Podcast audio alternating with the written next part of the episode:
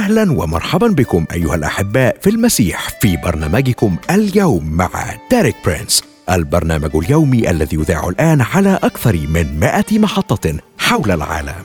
في فبراير من عام 1979 كان ديريك برينس يتأمل كلمات سفر أعمال الرسل الأصحاح الأول والآية الثامنة. لكنكم ستنالون قوة متى حل الروح القدس عليكم وتكونون لي شهودا في أورشليم وفي كل اليهودية والسامرة وإلى أقصى الأرض. وقتها قال ديريك برينس بدا لي بأن الخدمة الخاصة بي كانت فعالة في أورشليم أي في الأماكن الأقرب إلي لكنها لم تصل بعد إلى السامرة ولا إلى أقصى الأرض أي لم تصل بعد إلى كل العالم. ولم أتمكن حتى الآن من توصيل كل الحقائق التي تعلمتها من الله خلال أربعين عاما في الخدمة معه ولأجل الوصول إلى كل العالم بدأ بث برنامج اليوم مع ديريك برينس. اليوم نقدم لكم هذا البرنامج باللغة العربية. راجين من الله أن يكون سبب خير وبركة لكم ولبيوتكم ولخدمتكم.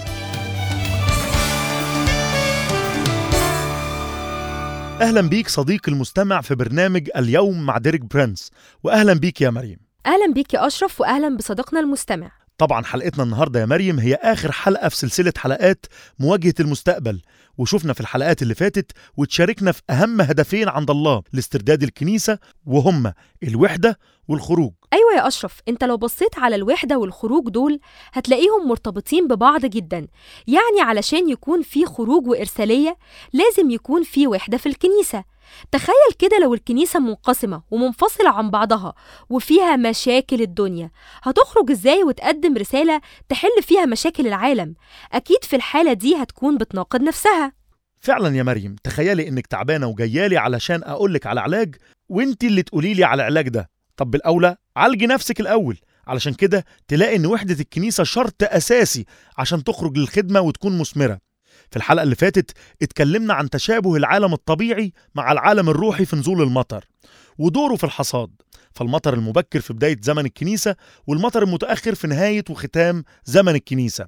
والغرض من كل واحد فيهم هو جمع الحصاد.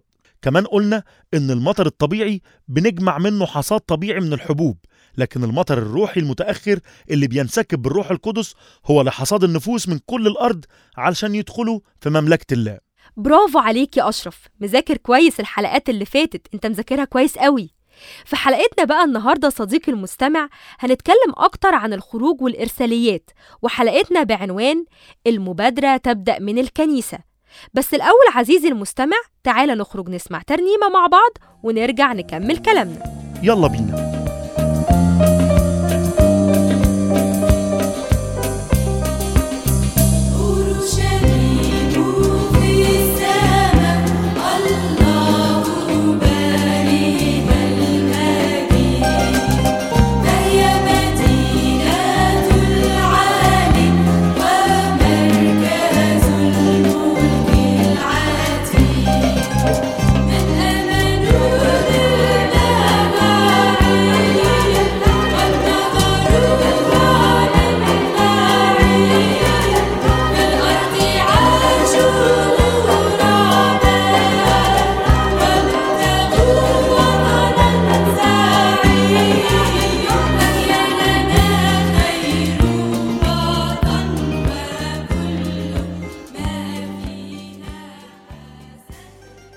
ورجعنا لك يا صديقي المستمع نكمل مع بعض حلقة النهاردة من برنامج اليوم مع ديريك برينس.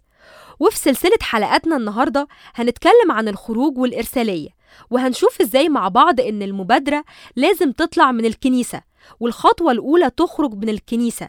وفي اعتقادي إن المبادرة دي هتكون من الكنيسة مش من العالم ولا من أي حد في منصب سياسي أو عسكري أو حتى العلماء. إيه رأيك بقى يا أشرف نخرج نسمع رأي ديريك في موضوع خروج الكنيسة ومبادرتها؟ يلا بينا. يلا بينا. أود أن أعود إلى مقطع كتابي قد سبق وشاركتكم به في الحلقات الأولى من هذه السلسلة من إنجيل متى الأصحاح الرابع والعشرين في الحديث النبوي الذي قاله يسوع حين كان على جبل الزيتون في مقابل الهيكل حيث قال نظرة عامة للأحداث والاتجاهات الرئيسية التي من شأنها أن تشكل نهاية هذا الزمان. اولا أريد أن نلقي نظرة على السؤال الذي طرحه التلاميذ والذي أثار الإجابة التي قدمها يسوع. هذا السؤال جاء في إنجيل متى الأصحاح الرابع والعشرين والعدد الثالث. وفيما هو جالس على جبل الزيتون تقدم إليه التلاميذ على انفراد قائلين قل لنا متى يكون هذا وما هي علامة مجيئك وانقضاء الدهر التلاميذ باعتبارهم يهودا متدينين لم يستطيعوا أن يقبلوا فكرة هدم الهيكل بدون أن تكون نهاية الزمان قد أوشكت. بالطبع كانوا مخطئين فالهيكل دمر سنة سبعين ميلادية وها هي الأزمنة والعصور استمرت لما يقرب من الفي عام. لذا دعونا ننحي موضوع دمار الهيكل جانبا وننظر إلى الجزء الأخير من سؤالهم. ما هي علامة مجيئك وانقضاء الدهر؟ لاحظ أن السؤال بصيغة المفرد. لم يسألوا ما هي علامات مجيئك. بل كان سؤالهم ما هي العلامة المميزة والمؤكدة لمجيئك ونهاية الزمان. في الأعداد العشرة التالية نرى يسوع يعطيهم علامات ولكن ليس العلامة فهو يتحدث عن حروب عالمية مجاعات زلازل اوبئه اضطهاد للمؤمنين في كل مكان الارتداد عن الإيمان والخيانة بين المؤمنين أنبياء كذبة وديانات زائفة. كثرة الإثم والجموح يقودان لفتور واختفاء المحبة. هذا كان ملخصا لهذه الأعداد العشرة. لقد أعطاهم علامات كثيرة ولكن لم يعطهم العلامة. ولكنه بالفعل أعطاهم إياها عندما نقرأ بعد ذلك بقليل إذ نجد أن يسوع يجيب على هذا السؤال تحديدا مع إجابة محددة. إنجيل متى الأصحاح الرابع والعشرين والعدد الرابع عشر. ويكرز ببشارة الملكوت هذه في كل المسكونة شهادة لجميع الأمم ثم يأتي المنتهى. الأمر يا مريم زي ما ديريك قال إن عندنا دايما سؤال محدد بنسأله رغم إن ليه إجابة محددة. ما هي علامة مجيئك وانقضاء الدهر؟ والجواب ويكرز ببشارة الملكوت هذه في كل المسكونة شهادة لجميع الأمم ثم يأتي المنتهى. فعلا يا أشرف بنسأل دايما السؤال ده بس في سؤال غيره بنسأله لنفسنا برضو. متى سيأتي المنتهى؟ مش نشاط إبليس ولا صراعات البشر هيسرعوا من مجيء المنتهى. مفيش غير الكرازة ببشارة الملكوت في كل المسكونة لجميع الأمم. لما يحصل ده ويتم هتيجي النهاية. عندي سؤال تاني يا مريم. هل بتؤمني يا مريم إن في يوم محدد لعودة يسوع؟ بص يا أشرف هو أنا عندي إيمان في يوم الرب لكن قبل ده في حاجات لازم تحصل الأول. أنا معرفش إمتى بالظبط يعني هتحصل لكن لازم تحصل حاجات معينة الأول. طيب يا مريم هو إزاي نقدر نوفق بين الاتنين ونفهم ده؟ إحنا ما نعرفش إمتى بالظبط هتحصل بس الله بحكم علمه المسبق للأمور هو عارف كويس إمتى وفين وإزاي. تعالى يا أشرف مع صديقي المستمع نخرج نسمع رأي ديريك ورده على السؤال ده. يلا بينا. يلا بينا.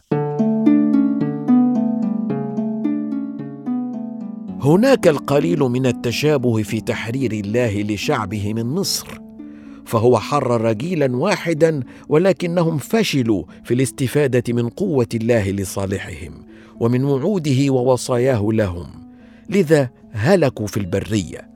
ولكن الجيل التالي دخل أرض الموعد قبل ذلك بسنوات كثيرة جدا تقريبا أربعة قرون. قال الله لإبراهيم متى سيدخل نسله شعب الله إسرائيل إلى أرض الموعد؟ لذا ففي علم الله المسبق عرف الله أن جيلا سيفشل ولكنه عرف أيضا أن الجيل التالي سينجح. وأؤمن أن الله يعرف أي جيل من الكنيسة سينجح في إتمام المهمة. كما أؤمن وأصلي وأثق أنه سيكون جيلنا. هذا الجيل فهذا هو الجيل الأول في تاريخ البشرية الذي توفر لديه مثل هذا الدعم التكنولوجي والذي يمكننا من خلاله الوصول إلى العالم بأسره في جيل واحد. لم يكن الأمر ممكنا من قبل ولكن مع الثورات التي أشرت إليها سابقا الثورة في السفر الاتصالات التعداد السكاني أصبح من الممكن فعليا الآن من الناحية الفنية الوصول إلى العالم بأسره في هذا الجيل ببشارة الملكوت. أؤمن أن هذا ما ينوي يسوع فعله وأؤمن أنه لهذا السبب يفتح أذهاننا لهذه الحقائق الآن لنلاحظها بكل وضوح بعمل الروح القدس. كما اؤمن أنه قال كل هذه الوعود والتنبؤات في كلمة الله حتى يمكننا تمييز الزمن الذي نعيش به لننهض ونتمم دعوتنا. فعلا يا مريم نرجع نقول تاني عشان تحصل كل الأحداث دي لازم الكنيسة تاخد الخطوة الأولى وده لأن الكنيسة بتمثل جسد يسوع المسيح على الأرض. والله مش ممكن يسمح إنه يسلم الدور لأي حد تاني غير كنيسته وشعبه. وده يا أشرف اللي هنلاقيه في وصية يسوع لتلاميذه الموجودة في إنجيل متى وإصحاح 28 والأعداد من 18 ل 20 بتقول كده فتقدم يسوع وكلمهم قائلا دفع إلي كل سلطان في السماء وعلى الأرض فاذهبوا وتلمذوا جميع الأمم وعمدوهم باسم الآب والابن والروح القدس وعلموهم أن يحفظوا جميع ما أوصيتكم به. وها أنا معكم كل الأيام إلى انقضاء الدهر. آمين. نشوف هنا إن الله الآب سلم السلطان للرب يسوع الابن بعد صلبه وموته وقيامته. والرب يسوع بدوره سلم السلطة دي لتلاميذه وقال لهم لقد دفع إلي كل سلطان والآن اذهبوا واستخدموا السلطان ده نيابة عني. السلطان مرتبط باسمي وبينما تذهبون باسمي لديكم سلطاني. وزي ما أنت شايف يا أشرف لازم نفهم إن السلطان ده بيكون فعال بس في حالة استخدامه. ممكن يكون إنسان عنده سلطان وعمره ما استخدمه وبالتالي محدش هيعرف إن عنده السلطان ده. وهو ده الحال مع سلطان يسوع المسيح يا مريم. فهو أعطي لينا لكنه مش هيكون فعال إلا لما نستخدمه. الطريقة الوحيدة اللي هيعرف بيها العالم إن السلطان قد دفع ليسوع المسيح نتيجة الموت وقيامته هي لما نمارسها إحنا كتلاميذه نيابة عنه. يا إما العالم هيفضل مش عارف أي حاجة عن اللي عمله يسوع لينا. العالم مش هيعرف إن الآب قد دفع كل السلطان للابن لكن من خلال طاعتنا بس لوصية يسوع هيقدر العالم إنه يعرف حقيقة إن في ملك ملك الملوك ورب الأرباب وإن اسمه يسوع وإن كل السلطة قد دفعت إليه. وأنا وأنت وأصدقائنا اللي بيسمعونا يا أشرف مسؤولين على فكرة إننا نثبت للعالم حوالينا إن في ملك اسمه يسوع هو ملك الملوك ورب الأرباب اسمه يسوع مخلص العالم. وتقدر تتقابل معاه. وده هنقدر نعمله لما نسمع وصية الرب وننفذها ونمارس السلطان اللي لينا في يسوع. كمان يا مريم في سبب تاني. لما قال لهم يسوع فاذهبوا. كان يقصد إن في أماكن صعب الواحد يروح لها بسبب إن حكومتها بترفض بشارة الإنجيل.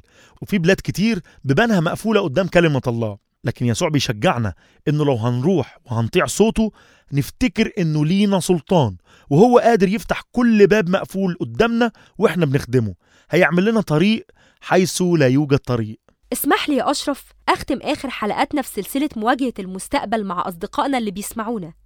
وحابة أقول إن العالم حوالينا خلاص قرب إنه ينتهي. ونجاح الكنيسة وشعبها في الخروج بكل شجاعة من غير خوف ولا قلق مش علشان تدور إزاي تعيش على الأرض وتحمي نفسها من نهاية العالم لكن علشان تقدر تخرج وتعيش في طاعة الرب ليوم مجيئه. أشجعكم إننا نثبت في الرب وفي كلمته وفي طاعته ونعمل كل جهدنا إننا نحقق قصده في وحدة كنايسنا ونخرج بالكنيسة وبحياتنا للعالم ونعلن عن شخص الرب يسوع مخلصنا ليه كل المجد. أشوفكم في حلقة جديدة وإلى اللقاء. وكان معاكم مريم وأشرف. مع السلامة. عزيزي المستمع إن كان لحلقة اليوم مع ديريك برينس تأثيرا على حياتك وفهمك لكلمة الله إن أردت أن تكون شريكا معنا في هذه الخدمة وتريد الصلاة لأمر معين أو تريد الاستماع لهذه الحلقة مرة أخرى أو تحميل الكتب أو دراسة الكتاب المقدس تواصل معنا من خلال موقعنا www.dpmarabic.com إلى اللقاء في الحلقة القادمة من برنامجك اليوم مع ديريك برينس.